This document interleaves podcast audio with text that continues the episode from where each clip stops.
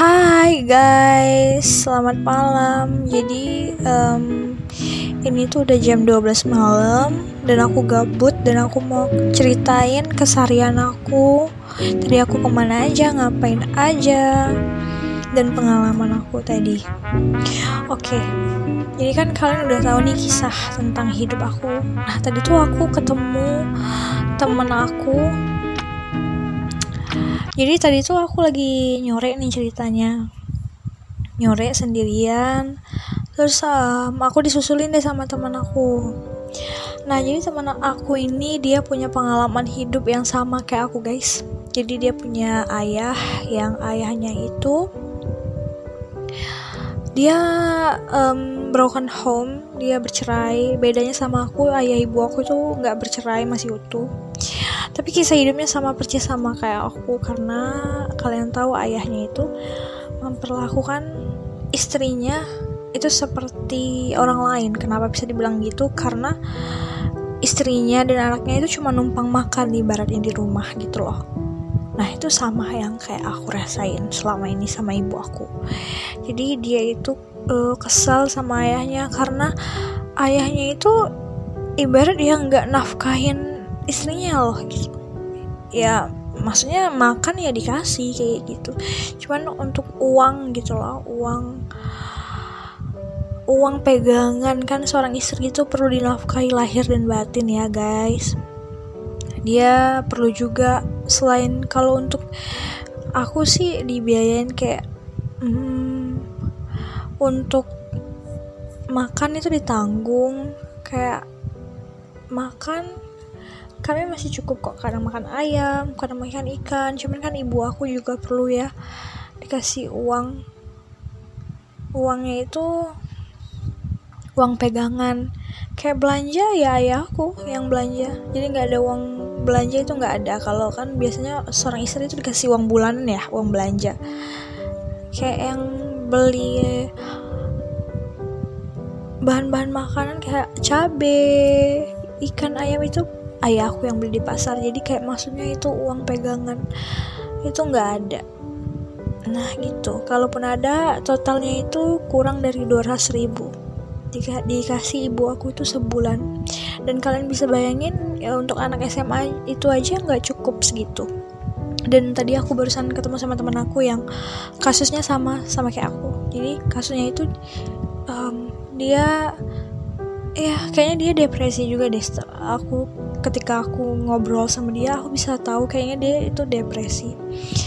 Karena yang aku bilang tadi guys sebenarnya Tuhan itu adil sih. Ada yang dari orang miskin tapi dia nggak kena mental gitu. Maksudnya dia orang miskin ya. Bukannya mau ngerendahin atau gimana maaf kata dia pengemis misalnya. Dia ngemis sama orang aku sering lo ketemu di jalan kayak dia ngemis sama ibunya dorong gerobak gitu kayak mulung gitu loh maksudnya sama anak-anaknya.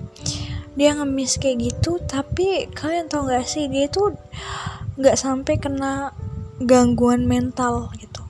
Ada orang yang berkecukupan kayak aku berkecukupan tapi mungkin ya ya kayak gitu gitu deh. Ayahnya itu cuman sanggup mungkin ngebiayain um, buat makan aja sehari-hari tapi kalau buat ngasih ibu aku itu mungkin dia nggak sanggup gitu. Dan yang buat aku depresi adalah ketika ibu aku itu sampai utang sama rentenir dan dia um, dia nangis-nangis katanya dia mau dibunuh sama rentenir itu karena dia utang dan bunganya sebesar loh kalau nggak dibayar dia bisa dibunuh. Jadi akhirnya itu yang buat aku down banget akhirnya aku yang lunasin utangnya. Jadi gimana ya aku di sini bukan mau buka aib atau gimana ya terserah deh kalian mau ngomong apa. Aku di sini cuman mau berbagi perspektif aku gitu dan juga ayah aku itu orangnya keras banget. Jadi tadi setelah aku ngobrol sama temen aku itu loh di di tempat ngore itu kan aku ngobrol sama temen aku. Tapi aku di situ nggak ceritain masalahku guys. Dia juga bukan followers aku di Instagram. Jadi dia nggak tahu kalau aku sebenarnya kena mental health gitu. Karena kan yang tahu itu ya paling followers aku di Instagram gitu kan atau teman-teman dekat aku. Dia itu temen aku yang nggak cuma sekedar temen kayak ya udah gitu terus juga dia nggak followers Instagram aku kami nggak punya WhatsApp. Jadi kayak random gitu loh. Terus dia cuman yang cerita tentang keluarga dia tapi aku nggak cerita sepatah kata pun tentang keluarga aku gitu. Aku diam aja cuma di situ menanggapi cerita dia yang dicerita. Kayak nah jadi di situ guys uh, ini udah salah ya sebenarnya. Didikan orang tuanya dia udah salah sampai orang tuanya bercerai. Sampai akhirnya dia tuh kebuka lah tadi cerita dia sendiri sebenarnya. Tapi dia pakai uh, tanda kutip cerita orang. Padahal aku udah tahu itu cerita dia. Jadi tadi dia bilang gini sama aku. Dia itu kalau misalnya menikah dia kalau bosan kalau misalnya dia ngerasa bosan dia bakal uh, cari istri lagi atau punya istri empat kalau dia kaya. Ya kan bebas kalau orang kaya kata dia. Terus aku langsung ngomong gini dong lah kok lu bisa sih se pemikiran lo gitu gitu loh? Ya kan kalau gue kaya ya bebas. Daripada gue munafik kata dia ngomong kayak gitu. Iya dia bilang gitu. Terus gue dia akhirnya yang cerita kalau uh, dia cerita katanya ini umpamanya ya Dai katanya. Gue punya teman yang kata dia tuh uh, dia daripada gue gue munafik gitu kan gue ngomong gue mau setia tapi nyatanya gue nggak setia kata dia gitu. Soalnya gue punya temen yang udah nikah tapi akhirnya masih main di belakang istrinya tanpa sepengetahuan. Gitu loh dia bilang. Terus sampai dia bilang uh, lo nih lo nih pemikiran lo kalau bokap lo eh, nggak uh, ngasih uang ke istrinya istrinya cuma numpang makan gitu Sah, gue bilang dalam hati gue tuh kayak anjir nih orang ceritanya kok sama kayak cerita hidup gue gitu loh. Gue jadi di situ tuh kayak anjir ngena banget gitu loh. Kayak sama gitu. Terus gue tanya emang lu bokap lu nggak ngebiayain nyokap lu? Kayak nge ngebiayain makan dikasih. Kalau makan ya dikasih. Cuman kalau buat uang buat nyokap gue nggak katanya kayak uang pegangan gitu kata dia kan. Anjir nih sama gitu loh. Terus lu kuliah kemarin dia kan udah S1 tuh. Dikuliahin. Ya gue sih dikuliahin cuman gue nggak pernah dikasih uang jajan kata dia kayak gitu. Gue kerja kata dia gitu. Anjir nih sama juga sama kayak cerita gue gitu. Gue kayak oh my god gitu loh. Tapi gue nggak cerita kalau gue depresi dan gue mengalami hal yang sama kayak dia.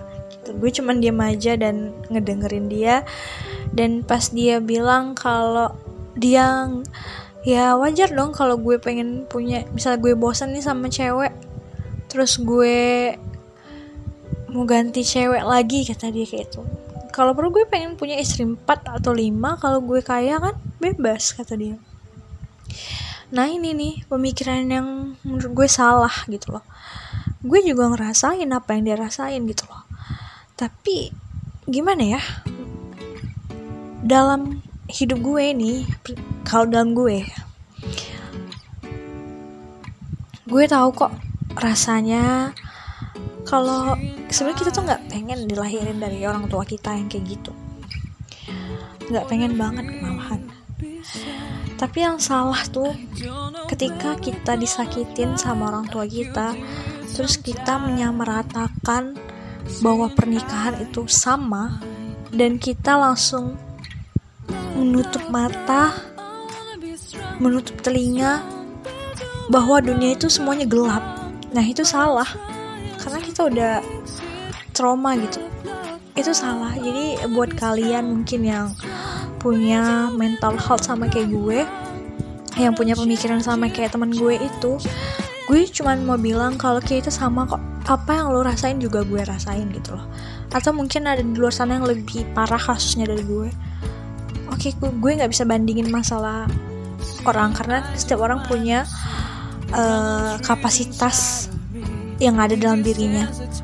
Gue belum tentu sanggup jadi lo lo belum tentu sanggup jadi gue. Jadi porsinya beda-beda gue cuman mau bilang hmm, kita boleh benci sama dunia kita kita boleh benci mungkin sama keluarga kita atau teman kita atau orang yang pernah nyakitin kita tapi kita eh, nggak uh, harus menutup mata gitu loh.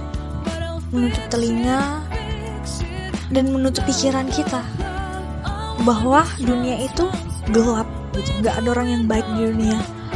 Walaupun lo sering disakitin lo jadi menutup kemungkinan bahwa semua tuh semua orang sama aja. Sakit kayak temen gue tuh dia bilang sih kalau dia tuh sering diselingkuhin sama cewek jadi mungkin dia berpikir gitu. Nah itu yang mau gue bilang uh, lo nggak bisa yang namanya menutup itu tadi menutup mata menutup telinga. Hanya karena lo disakitin ya so lo sering disakitin orang-orang kayak lo disakitin bokap lo misalnya terus tiba-tiba pacar lo nyianatin lo temen lo lagi ninggalin lo iya itu sakit benar. Gue udah ngerasain itu uh, yang di mana sahabat gue ninggalin gue yang ternyata gue nganggap dia sahabat dia nggak nganggap gue sahabat. Terus juga bokap gue kayak gitu cowok gue gitu tapi gue nggak pernah apa ya gue dibilang dendam sama mantan gue yang mutusin gue dari ulang tahun gue nih. Kalau dibilang dendam sih ya ada gitu rasa dendam gitu. Kayak gue udah ngelakuin ini loh kalau tapi kok lo enggak? Lo maksudnya lo toxic gitu ya. Toxic sama gue gitu.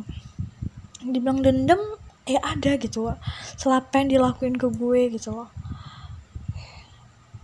tapi gue nggak menutup aks akses gue ke orang lain gitu bahkan masih ada kok cowok yang lebih baik dari dia. Walau ya gue nggak tahu tuh kapan dan di mana gue nemu cowok yang kayak gitu tapi pasti bakal ada kok cowok yang lebih baik dari dia. Gitu loh. Jadi kita tuh nggak boleh menutup akses di diri kita. Kita harus keluar dari zona nyaman. Kayak come on guys gitu loh. Apa yang perlu dipetik hikmahnya ya ambil. Kalau nggak ada ya udah buang gitu loh oke okay, guys itu aja sih yang mau gue kasih tahu kalian. Jadi gue udah ngedapetin pengalaman hidup nih. Sebenarnya banyak sih pengalaman hidup yang gue udah dapat cuman kadang pas lagi downnya lagi kambuhnya depresi gue gue nggak bisa mikir positif negatif aja. Tapi pas gue ketemu titik terangnya baru gue sadar nanti down lagi gitu. Ya nggak tahu deh. Mungkin hidup emang gitu cuman ya berat anjir sebenarnya. Kayaknya kita perlu ini juga sih. Ya gue bilang tadi keluar dari zona kita yaitu dengan melihat masalah orang lain kayak gue bilang tadi kita nggak fokus ke masalah kita aja. Ya itu sih yang mau gue bilang. Kayaknya kalian kalau punya masalah kayak gue kalian harus datang ke panti asuhan atau ke mana cerita atau ngebantu orang. Jadi hidup tuh nggak cuman tentang kita. Hidup tuh emang uh, apa ya? Hidup tuh nggak tentang apa yang kita mau. Hidup itu tentang apa yang dunia mau. Kita nggak bisa jadi manusia yang apa yang kita mau. Tapi kita harus bisa jadi apa yang dunia mau. Kenapa bisa gitu? Karena hidup itu bukan tentang apa yang kita mau tapi apa yang dunia mau. Maksudnya adalah takdir jadi takdir itu kan ada dua tuh. Takdir yang bisa diubah sama nggak bisa diubah. Udah kodrat dan ditetapkan. Nah hidup itu bukan tentang apa yang kita mau tapi apa yang dunia mau. Itu tadi apa yang udah ditakdirkan sama alam semesta dan seisinya atas kehendak Tuhan itu nggak bisa diubah lagi. Jadi ya kita harus ngejalanin. Makanya hidup itu bukan tentang apa yang kita mau. Kayak gue juga nggak pengen gitu dikasih orang tua yang kayak gini kalau bisa jadi pilih dan temen gue juga nggak pengen cuman hidup ya harus kita jalani gitu. Mau nggak mau men gitu loh. Jadi hidup itu bukan tentang apa yang kita mau tapi apa yang dunia mau. Gue dapat quotes itu tuh setelah gue ketemu sama teman gue tadi sih. Gue dapat quotes itu anjir. Oke itu aja sih. Kayaknya udah panjang banget gue ngomong. Ya semoga kalian bisa dengerin suka terus kalian terapin ke kehidupan kalian. Kalau gue salah ngomong gue minta maaf. Stay terus di Jux eh Jux Spotify. Assalamualaikum warahmatullahi wabarakatuh. Bye good night